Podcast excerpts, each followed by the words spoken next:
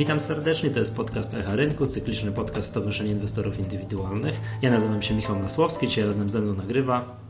E, dzień dobry, nazywam się Ryszard Wtorkowski, jestem prezesem LUK Spółka Akcyjna. Dobrze, witam panie prezesie.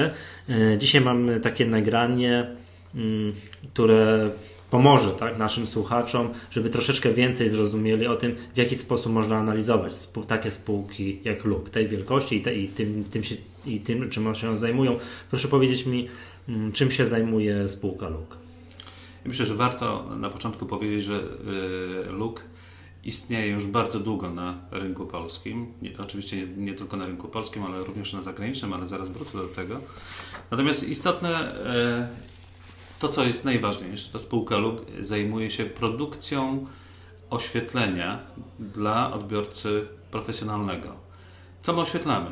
Oświetlamy naszymi produktami e, obiekty użyteczności publicznej, a więc e, różnego rodzaju obiekty biurowe, obiekty przemysłowe. E, oświetlamy ulice, tworzymy różnego rodzaju iluminacje. Ale naszym know-how jest nie tylko produkcja, ale dostarczanie kompleksowych rozwiązań oświetleniowych dla naszego odbiorcy. A powiedział Pan, że to jest odbiorca profesjonalny. Czy ja jako konsument, tak nie wiem, robię remont przedpokoju, mogę pójść dziś kupić Państwa, państwa oświetlenie? No tak, jeżeli bardzo się Pan uprze, to oczywiście Pan kupi to oświetlenie, jak najbardziej. Natomiast e, dystrybutorem naszych produktów w Polsce są hurtownie elektrotechniczne. I oczywiście, jeżeli Pan skieruje swoje kroki właśnie do hurtowni elektrotechnicznej, to z pewnością nabędzie Pan nasze produkty. No ale to o właśnie mi o to chodzi. Czy tego typu, tak jak Pan mówi, te hurtownie elektrotechniczne mają w swoim asortymencie Państwa tak. produkty? Czy Wszystkie, jest... właściwie większość hurtowni elektrotechnicznych które funkcjonują, szczególnie te największe hurtownie, również spółki giełdowe, tak, te, które funkcjonują na rynku elektrotechnicznym, mają e, w swoich zasobach magazynowych nasze produkty.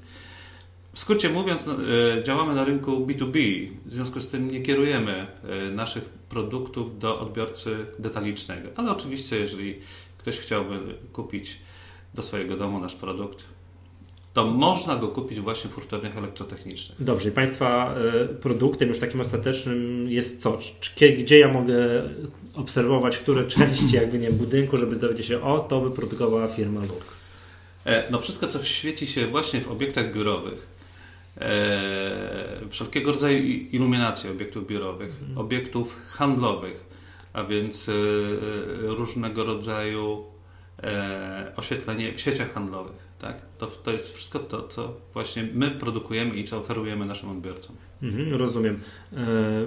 Yy, kojarzy mi się takie powiedzenie, że producenci różnego rodzaju no, przyrządowania związanego opraw oświetleniowych no, zawsze są bardzo wrażliwi na koniunkturę, jeżeli chodzi o jaka jest koniunktura w branży budowlanej. No, że wynika ktoś mi próbował to tłumaczyć tak, że wynika to z tego, że oświetlenie przy różnego rodzaju budowach montuje się na końcu, jak już budżetu brakuje. I czy Państwo, proszę powiedzieć mi, jak Państwo są, Państwa firma, jak jest wrażliwa na tym punkcie, jeżeli chodzi o, nie wiem, o koniunkturę w branży deweloperskiej? Tak, to prawda, że nasze produkty są e, montowane na samym końcu i faktycznie jest tak, że często brakuje na, na to pieniędzy. Natomiast zakładamy, że odbiorca profesjonalny e, tworzy budżety na e, inwestycje. W związku z tym teoretycznie powinno tych pieniędzy zawsze wystarczyć.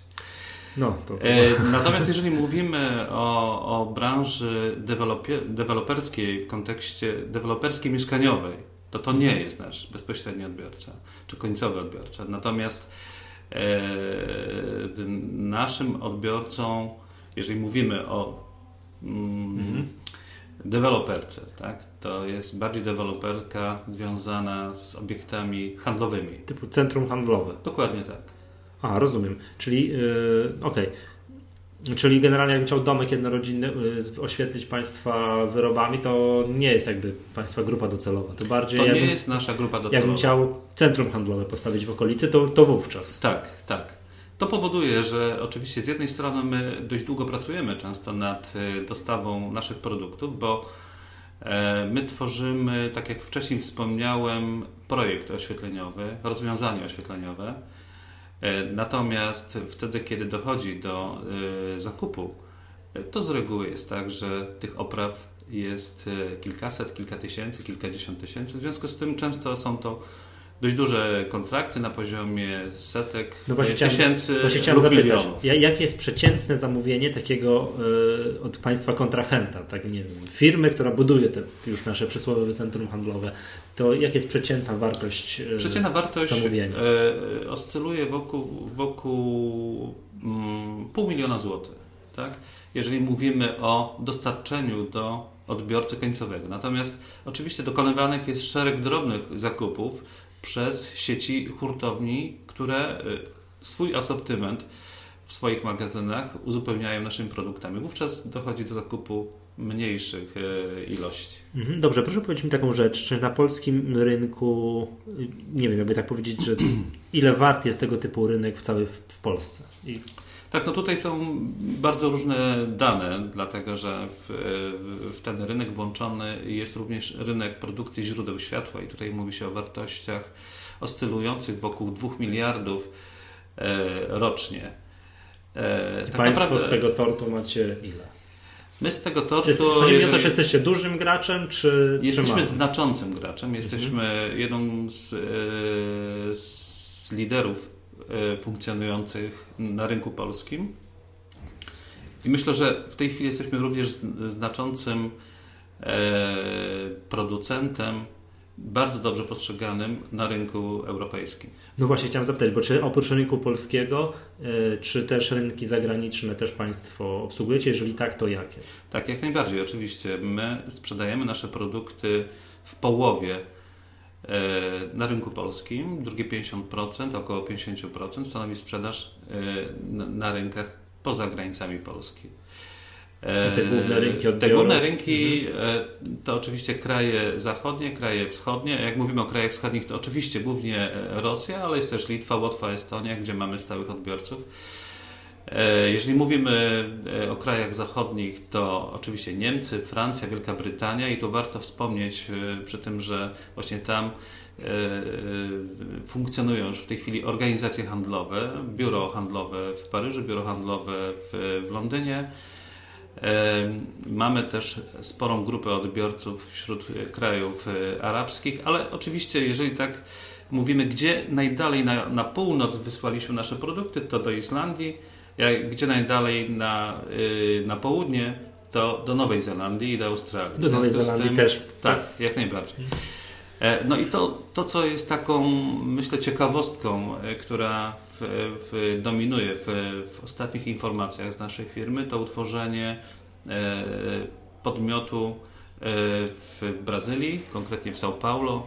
São Paulo, jak wiadomo, jest takim centrum ekonomicznym Ameryki Południowej E, w związku z tym decyzja ulokowania właśnie tam e, naszego biura handlowego. Ten podmiot w tym roku został zarejestrowany w miesiącu e, czerwcu. W niedługim czasie, o czym jeszcze poinformu, poinformujemy, oczywiście rynek zostanie otwarty showroom, ale proszę mi wierzyć, jest to bardzo ciekawy Przepraszam, ten showroom, to co, co to znaczy? Showroom to jest? to jest takie miejsce, gdzie prezentujemy nasze, nasze produkty. Tak? I E, to co, to, co jest e, ważne, on, ten, ten showroom to miejsce, gdzie będziemy odbywali spotkania z naszymi odbiorcami, z projektantami, z mhm. architektami z Ameryki e, Południowej. To jest takie centralne miejsce ulokowane w centrum São Paulo. To jest miejsce, gdzie, gdzie właściwie schodzi się biznes całej Ameryki Południowej. Mhm, rozumiem, no bo to Brazylia to już jest bardzo odległy kraj, przyznam się szczerze. Z punktu widzenia tak, państwa, firmy, to, to ma to jakiekolwiek znaczenie, że to jest gdzieś w Brazylii, czy to równie tak, dobrze? Dla nas, dla nas właściwie nie ma znaczenia, czy my wysyłamy nasze produkty do krajów arabskich, gdzie po prostu musimy zapakować kontener i wysłać, czy wysyłamy go do Australii, czy do Nowej Zelandii. Sposób wysyłek jest dokładnie taki sam.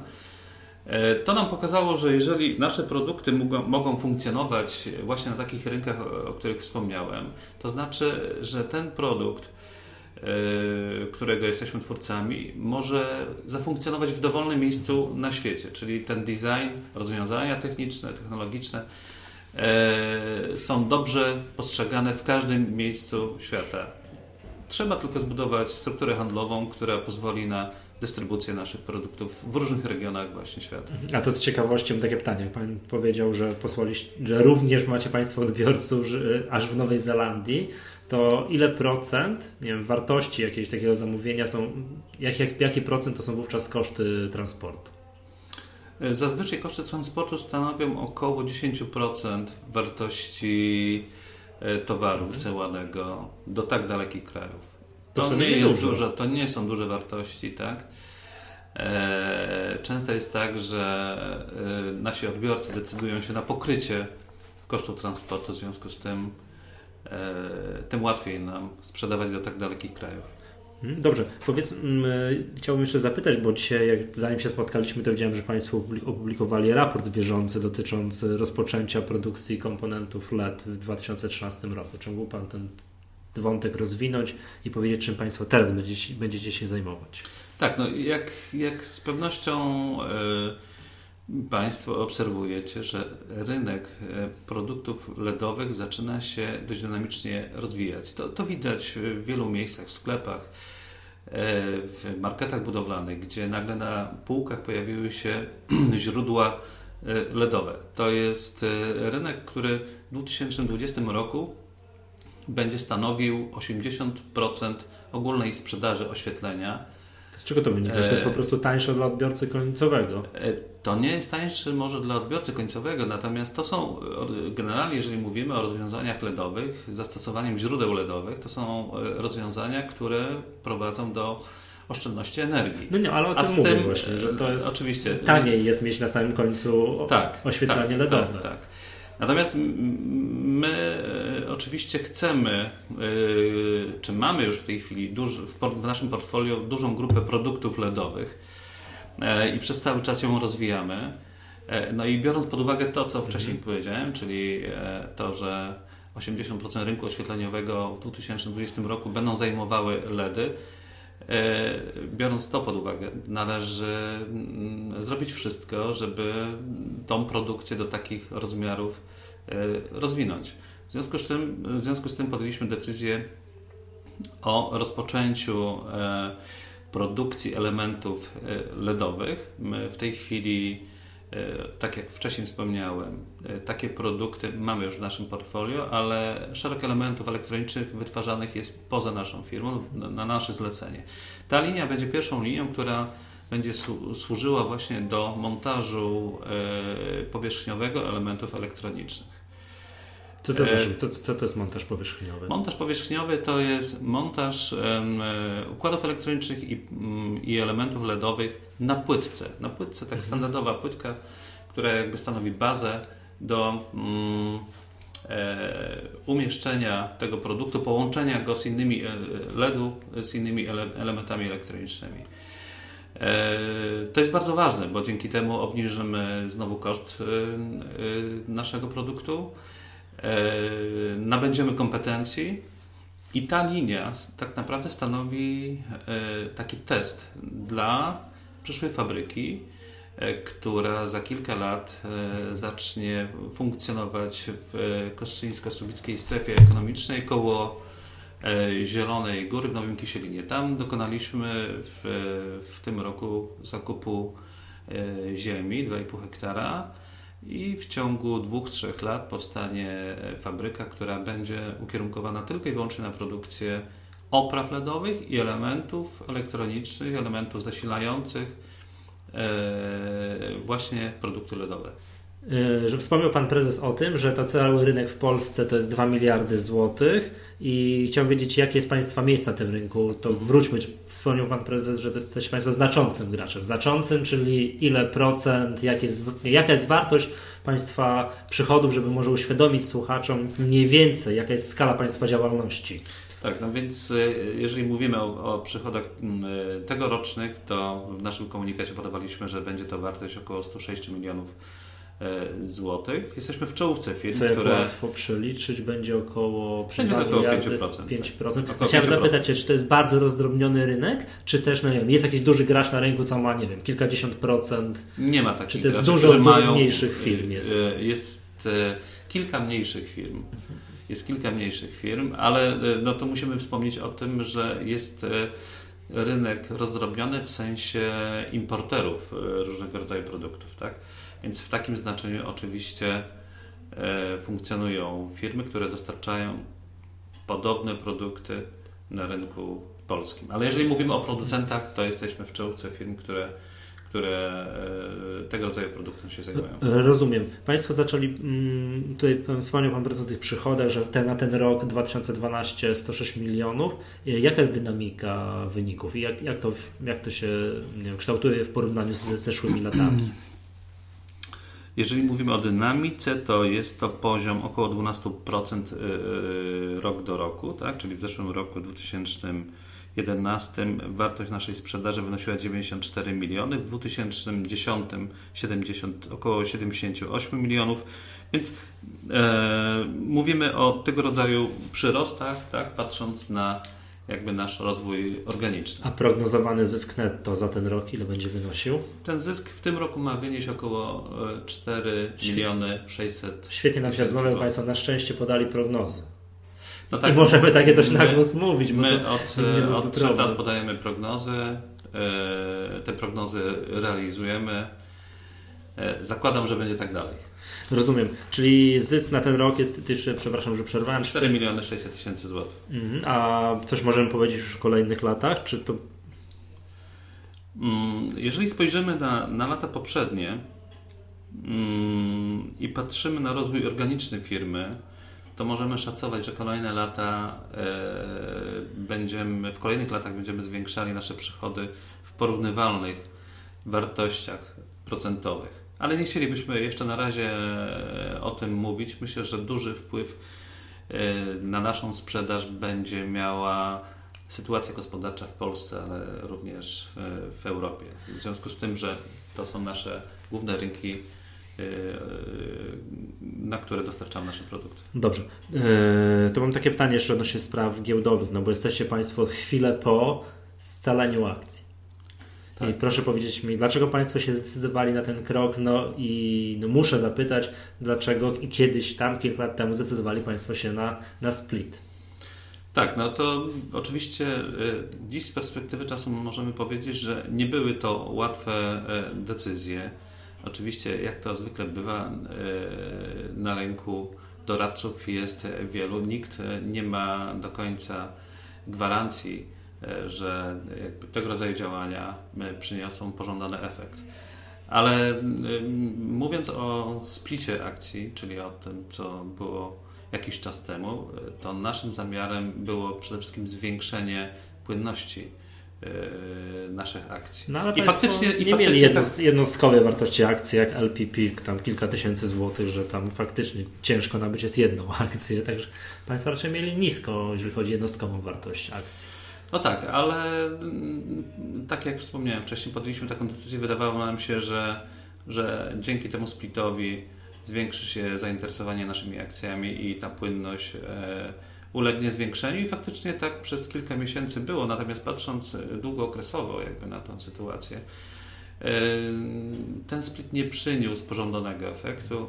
W związku z tym E, decyzja, którą podjęliśmy w tym roku, żeby dokonać scalenia akcji e, na spotkaniach, e, szczególnie z inwestorami instytucjonalnymi, spotka, spotykaliśmy się z zarzutem, że możemy być postrzegani jako spółka groszowa. W związku z tym myślę, że jest to odpowiedź głównie właśnie na na zapotrzebowanie i jednak duże zainteresowanie naszą spółką inwestorami instytucjonalnymi, którzy jakby często mm, mówili, że jest to warunek e, zakupu akcji przez, przez właśnie tych inwestorów i warunek zafunkcjonowania również na rynku regulowanym. No ja powiem też z punktu widzenia inwestorów indywidualnych, to inwestycje w akcje, których zmiana o jeden grosz, najmniejszy możliwy skok notowań przynosi kilku lub wręcz kilkunastoprocentowe zmiany kursu akcji, no to jest szalenie niekomfortowe dla inwestorów indywidualnych. No bo jeszcze jak rośnie, no to bardzo dobrze, tak? A jeżeli spadek o jeden grosz powoduje kilkunastoprocentowy spadek na wartości portfela, no jest to, jest, jest to bardzo niewygodne, dlatego ja nie ukrywam, że o ile z dużym niezadowoleniem przyjąłem kiedyś decyzję o Państwa splicie, tak o scaleniu akcji przyjąłem decyzję, decyzję takiej, no nareszcie, bardzo dobrze i cieszę się, cieszę się, że Państwo się na ten krok zdecydowali, także, bo jednak to kojarzenie ze spółką groszową, no, no nie jest najszczęśliwsze. To prawda. Dobrze, proszę powiedzieć mi jeszcze o dywidendzie, bo Państwo zapłaciliście dywidendę za rok 2011. Tak. Tak? I czy jest to jakaś stała polityka dywidendy, czy, czy będziecie Państwo decyzję podejmować za każdym razem, czy też nie wiem, że, że, czy, czy też w przypadku pozytywnych wyników finansowych za kolejne lata ma, macie Państwo jakąś w miarę stałą, ustaloną politykę odnośnie wypłacania dywidendy? No ta polityka dywidendowa oczywiście nie jest jakby stałą polityką. Ona będzie zależna od, mm, po pierwsze od sytuacji rynkowej, od e, e, naszych możliwości wypłacenia dywidendy, ale przede wszystkim również będzie zależna od e, dokonywanych inwestycji. A przed nami e, jest e, szereg dużych inwestycji. Tak? No, pierwsza chociażby ta, o której e, dzisiaj wspominaliśmy na poziomie 1 600 tysięcy. Oczywiście może nie jest to w bardzo znacząca inwestycja, ale bierzemy też pod uwagę to, że w kolejnych latach chcemy wybudować nowy obiekt. W dalszym ciągu będziemy gro środków przeznaczali na rozbudowę struktur handlowych we Francji, Wielkiej Brytanii i oczywiście w Brazylii, ale chcielibyśmy jednak pewną pulę, jeżeli tylko pozwolą wyniki na to, przeznaczać również na wypłatę dywidend. No ja powiem dlaczego pytam, no bo rynek New Connect, na którym są Państwo notowani, no powiedziałbym nie grzeszy płynnością. A to jest jakiś taki ratunek dla inwestorów, którzy no, chcieli jakieś większe pieniądze zainwestować, to ile nie, wiem, nie da się szybko wyjść z takiej inwestycji, to jednak jakiś tam zwrot z kapitału, zawsze jakiś przepływ finansowy jest dzięki takiej dywidendzie zagwarantowany. Myślę, że inwestorzy bardzo pozytywnie odnoszą się do spółek, które no, jakąś tą dywidendę w miarę regularnie wypłacają, no bo to pozwala chociaż troszeczkę uciec od tego y, ryzyka niskiej płynności na, na, na, rynku. Już nie tylko chodzi o Newconek, ale też mowa o tak. tych najmniejszych spółkach z podstawowego rynku. No tak jak wspomniałem, będziemy starali się oczywiście tą dywidendę w miarę możliwości wypłacać.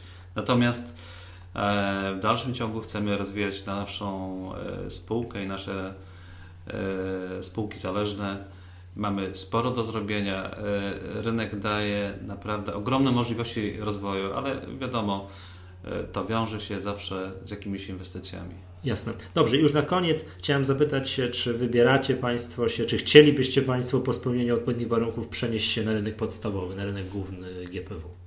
Tak, biorąc pod uwagę naszą ekspansję, biorąc pod uwagę to, że e, w jakiejś przyszłości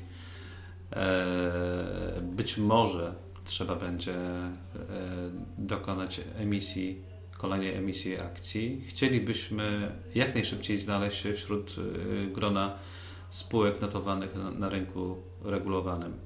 Będziemy robili wszystko, żeby, żeby ta kapitalizacja, e, która nas dzisiaj nie zadawala, osiągnęła poziomy dzięki którym będziemy mogli funkcjonować właśnie na rynku regulowanym. No bo ten próg kapitalizacji ucieka Państwu troszeczkę, bo jeśli byliście, gdyby zachować stare zasady, to bylibyście Państwo bardzo blisko, ale zarząd giełdy co sekundkę, co chwila, może, no może nie, nie co chwila, ale co pewien czas przesuwa to kryterium coraz wyżej, więc no dobrze, mm, także no jest trochę tak pechowo się złożyło. No ja myślę, że naszymi działaniami y, y, będziemy zwiększali zaufanie inwestorów i, i, mhm. dość szybko uda nam się do, dojść do tych wartości, które na rynku regulowanym są wymagane.